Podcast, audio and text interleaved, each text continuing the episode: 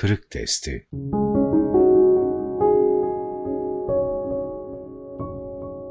Kardeşlik ruhunun tesisi. Soru. Aynı hedefe doğru yürüyen insanların sahip oldukları farklı duygu ve düşüncelerin ihtilaf sebebi olmaması için nelere dikkat edilmelidir? Cevap. Öncelikle soruda da işaret edilen bir hususun üzerinde durulması faydalı olacaktır. İnsanın bir gayeyi hayalinin, idealinin olması ve hayatını hedefli yaşaması çok önemlidir. Hedeflenen şeyin de çok iyi belirlenmesi gerekir. Allah'ın dininin dört bir yana duyurulması uğrunda yola çıkan bir insan, nasıl bir yola girdiğini, bu yolun hususiyetlerini, onu nereye ulaştıracağını daha baştan çok iyi kavramalıdır. Hatta meseleyi sadece bir akli kabule bağlamakla da yetinmemeli, kalbinin, hislerinin, latifelerinin de aklıyla aynı istikamette yol almasına özen göstermelidir. Bütün benliğiyle gayeyi hayaline kilitlenmeli ve sürekli bu istikamette hareket etmelidir. Ortak paydalar Eğer bir davaya omuz veren farklı farklı insanlar, yürüdükleri yolu doğru belirlemiş, hedeflerini doğru tayin etmiş ve yürüdükleri yolda el birliği, gönül birliğini sağlayabilmişlerse, sahip oldukları pek çok faslı müşterek ortak payda var demektir. Unutmamak gerekir ki, insanlar ne kadar çok faslı müştereke sahipse ve bunun da ne kadar çok farkındalarsa, uzlaşıp anlaşmaları da o kadar kolay olur. Bu sebepledir ki, Bediüzzaman Hazretleri, Uhuvvet Risalesinde müminler arasındaki ortak noktalara dikkat çekmiş ve bunların en önemlilerini tek tek saymıştır. Bu, üzerinde ciddi durulması gerekli olan bir konudur. Faslı müştereklerin çok iyi belirlenmesine, detaylandırılmasına, bunların insanlara çok iyi anlatılmasına ve hazmedilmesine şiddetle ihtiyaç vardır. Mesela Müslümanlar arasında vifak ve ittifakı sağlamak için sadece Müslümanlık ortak paydasından bahsetmek herkes için yeterli olmayabilir. Meselenin daha da detaylandırılması, açılması, duygu ve düşüncelere mal edilmesi gerekir. Üstad Bediüzzaman Hazretleri şu ifadeleriyle bize böyle bir ufuk gösteriyor. Her ikinizin halikiniz bir, malikiniz bir, mabudunuz bir, razıkınız bir, bir bir, bine kadar bir bir. Hem peygamberiniz bir, dininiz bir, kıbleniz bir, bir bir, yüze kadar bir bir. Sonra köyünüz bir, devletiniz bir, memleketiniz bir, ona kadar bir bir. Burada kullanılan on, yüz, bin gibi miktarlarla anlatılmak istenen miktar değil keyfiyettir. Hazreti Pir bunlarla ortaya koyduğu müşterek noktaların önemine dikkat çekiyor. Keyfi, nitelikle ilgili bir şeyin önemini, kemmi, nicelikle ilgili bir ifadeyle dile getiriyor. Her şeyi yaratan Allah'ın birliği hakikati, nübüvvet hakikatinden önce geldiği gibi, elbette ki din ve kıble birliği de benim mensup olduğum kabile veya aile birliğiyle ölçülemeyecek kadar aşkındır. Şayet sahip olunan ortak paydalar çok iyi belirlenir, her vesileyle bunların üzerinde durulur ve bunlar zihin ve kalp dünyasına mal edilirse büyük oranda çatışma ve kavgaların da önüne geçilmiş olur. İnsanız. Her birimizin farklı hassasiyet ve zaaf noktalarımız var. Mutlaka birilerinin bir kısım sözleri, tavır ve davranışları gözümüze batacak, bizi rahatsız edecektir. Fakat bahsini ettiğimiz faslı müştereklerin insanları birleştirmede, bir arada tutmada öyle güçlü bir etkisi vardır ki, bunları nazar itibarı alan biri, iradesini de o yönde kullanırsa, bütün ayrıştırıcı ve uzaklaştırıcı faktörleri görmezden gelebilir, tolere edebilir. Bir ve beraber olmayı gerektiren ortak paydaların büyüklüğü, çatışma vesilelerini gözünde küçültüp yok edebilir.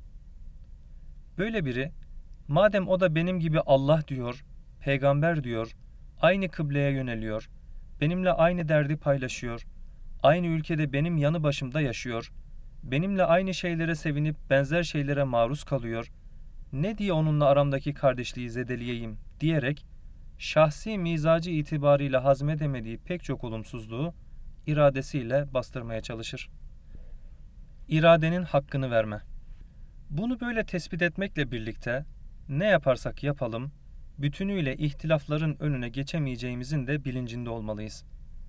Bunun başlıca iki sebebi vardır. Birincisi, irşat, tebliğ, hayırhahlık, terbiye herkeste aynı etkiyi göstermeyebilir. Siz insanları yüksek bir mefkureye inandırmak, onları rehabilite etmek, onlar arasında insani duyguları canlandırmak için ne kadar gayret ederseniz edin, mutlaka nefsine ve şeytana uyan birileri çıkacaktır. Vaaz-ı nasihatleriniz, tebliğ ve irşadınız herkeste aynı etkiyi göstermeyecektir. İkincisi de Cenab-ı Hak insanları farklı yaratmış, her bir ferde bambaşka özellikler lütfetmiştir. Dikkat edilmediği takdirde bu farklılıklar çatışma vesilesine dönüşebilir. Bununla birlikte biz bize düşeni yapmalı ve insanları insani olmayan, insana yakışmayan tavır ve davranışlardan uzak tutma adına gayret göstermeliyiz. Saldırmanın, kavga etmenin, birbirini boynuzlamanın, ısırmanın, başkalarının hakkını elinden almanın insana yakışmadığını anlatmalıyız. Onların hayvaniyetten çıkmaları, cismaniyeti bırakmaları, kalp ve ruh hayat derecelerine yükselmeleri adına elimizden geleni yapmalıyız. Allah murad buyursaydı, herkesi aynı meşrepte, aynı mizaçta yaratırdı. Dolayısıyla herkesin duygu ve düşünceleri aynı olurdu ve kimse kimseyle kavga da etmezdi. Ne var ki bu takdirde iradeye iş kalmazdı. Oysa ki cennete girmek şartı adi planında Allah'ın iradeye bir lütfudur. İman etme, İslamiyeti kavrama, ihsan şuuruna erme gibi mazhariyetlerin hepsi Allah'ın iradeye lütfettiği güzelliklerdir. Allah, insanı iradesiyle başka mahluklardan ayırmıştır. Hatta insan, iradesini kullanma açısından meleklerden bile ayrılır. Zira meleklerde ya bizdeki manada bir irade yoktur ya da onların iradeleri yalnızca Cenab-ı Hakk'ın emrettiği şeylere karşı arzu duyacak mahiyette yaratılmıştır. İşte irade ve tercih sahibi kılınmasıyla başka mahluklardan ayrılan insana düşen vazife, başkalarıyla vifak ve ittifak içerisinde hareket etme adına iradesinin hakkını vermektir. Asıl mesele bir yolda yürürken, bir hedefe doğru ilerlerken bunu hırgür çıkarmadan yapabilmektir. Bizim gibi düşünmeyen, bizim gibi hareket etmeyen, duygu ve düşüncelerinde bize ters düşen kimselerle uyum içinde olabilmektir. Evet, bazı insanlar sinir sistemimizle oynayabilir. Onların hal ve hareketleri, duygu ve düşünceleri bize ters gelebilir. Bazılarının yürüyüşünden, gülüşünden ve hatta mimiklerinden bile rahatsız olabiliriz. Ne var ki Allah bize bu tür olumsuz duygularımızın üstesinden gelebilmek için irade gibi çok önemli bir silah vermiştir. Eğer onu yerinde kullanmasını bilirsek, bu tür negatif duygu ve düşüncelerin tesirinde kalmaz tavır ve davranışlarımıza yansımasına müsaade etmeyiz. Hatta belki de bir süre sonra bize çirkin ve sevimsiz gelen şeyleri iyi ve güzel görmeye başlarız. Bakış zaviyesi Dikkat edilecek olursa, insanların asabına dokunan tavır ve davranışların büyük çoğunluğunun dinin yasakladığı hususlardan olmadığı görülür. Bu durum belki çoğu zaman bizim sübjektif değerlendirmelerimizin bir sonucudur ve alışkanlıklarımızla, bakış açımızla ilgilidir. Negatif düşünen, çevresine negatif bakan bir insanın gözünde herkes problem haline gelebilir. Böyle bir kişi herkesin mutlaka eleştireceği, rahatsız olacağı bir davranışını bulur. Kiminin konuşmasından, kiminin el ayak hareketinden, kiminin iş yapma tarzından, kiminin bir başka tavrından rahatsız olur. Bediüzzaman'ın çok enfes bir sözü vardır. Güzel gören güzel düşünür, güzel düşünen hayatından lezzet alır. Meseleye tersinden bakacak olursak, olumsuz düşünen, olup biten şeylerin hep çirkin taraflarını gören, küçücük şeyleri problem haline getiren bir insan da hayatı kendi adına acılaştırır. Hemen her meselede yalnızca kendi subjektif kıstaslarına dayandığı için gördüğü, duyduğu şeylerden rahatsız olur. Dahası bunları rahatsız olunacak birer tavır ve davranış olarak kabul eder sürekli bunlarla oturur kalkar ve böylece kendi adına hayatı yaşanmaz hale getirir. İnsan kendini güzel düşünmeye, güzel görmeye alıştırırsa bir süre sonra olumsuz şeylerin körü haline gelir. farklı mizaçlar, farklı meşrepler, farklı mezhepler onu rahatsız etmez olur. Fakat bir kere daha ifade etmeliyim ki bu iradenin hakkını vermeye, insanın kendini biraz zorlamasına bağlıdır. Cennet yolunun zorluklarına katlanma. Efendimiz sallallahu aleyhi ve sellem bir hadislerinde cennetin mekarihle yani nefsin hoşuna gitmeyen şeylerle kuşatıldığını haber veriyor. Demek ki cennet yolunda yürürken hoşumuza gitmeyen zorluklarla karşılaşacağız. Kemal hassasiyetle ibadetleri yerine getirme, haramlara karşı mesafeli durma gibi şeyler nefse ağır geldiği gibi beraber yol yürüdüğü arkadaşlarına tahammül etme, onların eza ve cefalarına katlanma da cennet yolunun zorluklarındandır. Bu zorlukların üstesinden gelme, imanda derinleşmeye ve İslam ahlakıyla ahlaklanmaya bağlıdır. Cahiliyede birbirini yiyen, birbirini boğazlayan insanlar daha sonra sarmaş dolaş hale gelmişlerse bunun sebebi Kur'ani ve İslami ahlakla ahlaklanmalarıdır. Hiç şüphesiz sahabe içinde de çok farklı mizaçlar vardı. Hatta bir Hazreti Ebu Bekir ile Hazreti Ömer çok farklı tabiatlara sahipti. Hazreti Ebu Zer'in mizacı Hazreti Osman'ın mizacına uymazdı. Fakat bütün bu huy ve mizaç farklılıklarına rağmen onlar aralarında destansı bir kardeşlik kurmuşlardı. Efendimizin beyanıyla bir binanın tuğlaları gibi birbirlerine sımsıkı kenetlenmişlerdi. Yer yer aralarında tatsız bazı hadiseler yaşanmışsa da hemen bunu tatlıya bağlamasını bilmişlerdi. Zira o toplum vahyi çok iyi hazmetmesi sayesinde irade kahramanı bir toplum haline gelmişti. Şayet biz de imanı, İslam'ı, ihsanı fıtratımızın bir derinliği haline getirebilirsek, tabiatımızdaki sivrilikler, sahip olduğumuz olumsuz duygular yavaş yavaş rötuşlanacaktır. O güne kadar problem gördüğümüz şeylerin gerçekte problem olmadığını anlayacağız. Allah'ın her bir insanı ayrı tabiat ve mizaçla yaratmasının esprisini kavrayacağız. Başkalarının tavır ve davranışlarını değerlendirmede kendi sübjektif kıstaslarımızı değil, dinin kıstaslarını ölçü alacağız. Şunu unutmamak gerekir ki İnsanoğlu tabiatı itibarıyla hata ve günaha açık yaratılmıştır. Nefis ve şeytan gibi iki azılı düşmanı vardır. Eğer onun hayatı boyunca istikametten ayrılmayacağı, hiç günah işlemeyeceği şeklinde bir beklentiye girersek hayal kırıklığı yaşayabiliriz. İnsandan her şey beklenir. Zira o, alayı illiyin, bir yaratılmışın çıkabileceği en yüksek mertebe ile esfeli safilin, bir yaratılmışın düşebileceği en kötü, en aşağılık durum arasında çok geniş bir alanda gezinen bir varlıktır. En başta insan realitesini bu şekilde kabul edip insanlarla münasebetleri buna göre götürmek lazım. Ondan olumsuz şeylerin de sadır olabileceğini asla göz ardı etmemeli. Hangimiz bu konuda kendimizden emin olabiliriz ki?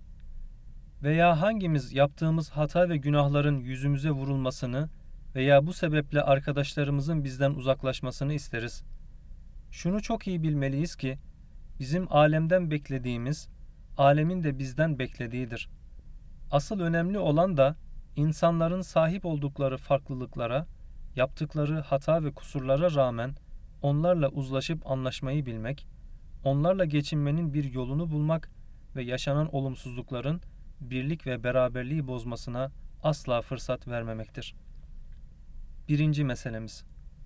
Özellikle Allah'ın rızası gibi en yüce mazhariyeti gaye edinmiş ve buna giden yolda insanları ona çağırma gibi en yüksek bir hedefe kilitlenmiş adanmışların, beraber yürüdükleri yol arkadaşlarına karşı çok daha müsamahakar ve affedici olmaları gerekir. Buna böyle inananlar, küçük şeyleri büyütmez, problem olmayan şeyleri problem haline getirmezler. Getirip aralarındaki kardeşliğe zarar vermezler. Hak yolunun bazı zorluk ve meşakkatleri olduğunu bilir ve bunlara katlanırlar.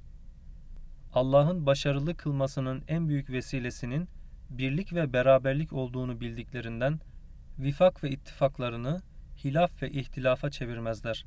Çevirip Allah'tan gelen inayetin önünü kesmezler.'' Şimdiye kadar aramızda ensar ve muhacirinin arasında teessüs ettiği ölçüde güçlü bir kardeşlik tesis ettiğimiz söylenemez. Buna rağmen ciddi bir kavga ve çatışma yaşamadan yolumuza devam edebilmemiz apaçık bir inayet ilahiyenin var olduğunu gösteriyor. Bu kadarcık kardeşliğe bile Cenab-ı Hak bu ölçüde inayet ve riayetiyle mukabelede bulunuyorsa, kuracağımız samimi ve güçlü bir kardeşlik sayesinde belki yaşanan bu problemler de yaşanmayacak ve kim bilir Cenab-ı Hak ne lütuflarda bulunacak. Bizler de güç ve enerjimizi kendi içimizde yaşanan sıkıntı ve huzursuzlukları tedavi ve telafi etmeye çalışmakla tüketmeyecek, ifa edilen güzel işlerin daha büyük çapta yapılması adına kullanacağız. İstenilen seviyede bir kardeşlik ruhunun tesis edilebilmesi, hususi olarak ve ısrarla uhuvvet üzerinde durulmasına ve insanların buna motive edilmesine bağlıdır. Ad ve unvanlara, sistem ve işleyişe, bürokrasi ve idareye takılmadan bulunduğumuz her ortamda sürekli iman düşüncesinin, kardeşlik şuurunun, hizmet felsefesinin üzerinde durmalı, bunların ruhlarda bütün yönleriyle inkişaf etmesi istikametinde cehd ve gayret göstermeliyiz. Bu gayreti canlı tutabilecek programlar yapmalı, sistemler geliştirmeli, organizasyonlar kurmalıyız. Bir araya gelmelerimizin temel mevzuu Allah'la, peygamberle, dinle, imanla alakalı meseleleri müzakere etmek olmalı. Bu konulara öyle kendimizi vermeliyiz ki bazen sistemin işleyişi adına görüşeceğimiz mevzuları unutmalıyız. Belki tam kapıdan çıkacakken aklımıza gelmeli ve falan yerde beş okul açma imkanı vermişlerdi. Hazır bir araya gelmişken o işi de bir görüşü versek demeliyiz. Maalesef biz önceliklerin sırasını bozduk. Tali meseleleri asıl zannettik. Şunun iyi bilinmesi gerekir ki şayet biz öne çıkarılması gereken meseleleri geri plana atar, geriye çekilmesi gereken meseleleri de birinci gündem haline getirirsek çatışma ve kavgalardan kurtulamaz, sıkıntı ve problemlerin üstesinden gelemeyiz. Günümüzde yaşanan bir kısım arızaların arkasında bu tür esbab vardır. Hizmetin işleyişi adına stratejiler oluşturma, programlar yapma, faaliyetler düzenleme gibi önemli hususlar bile bizim en önemli meselemiz değildir.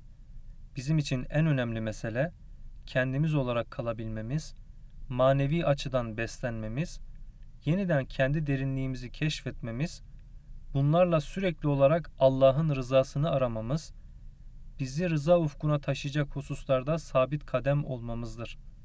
Her zamanki ifademizle söyleyecek olursak, sohbeti canandır. Müzik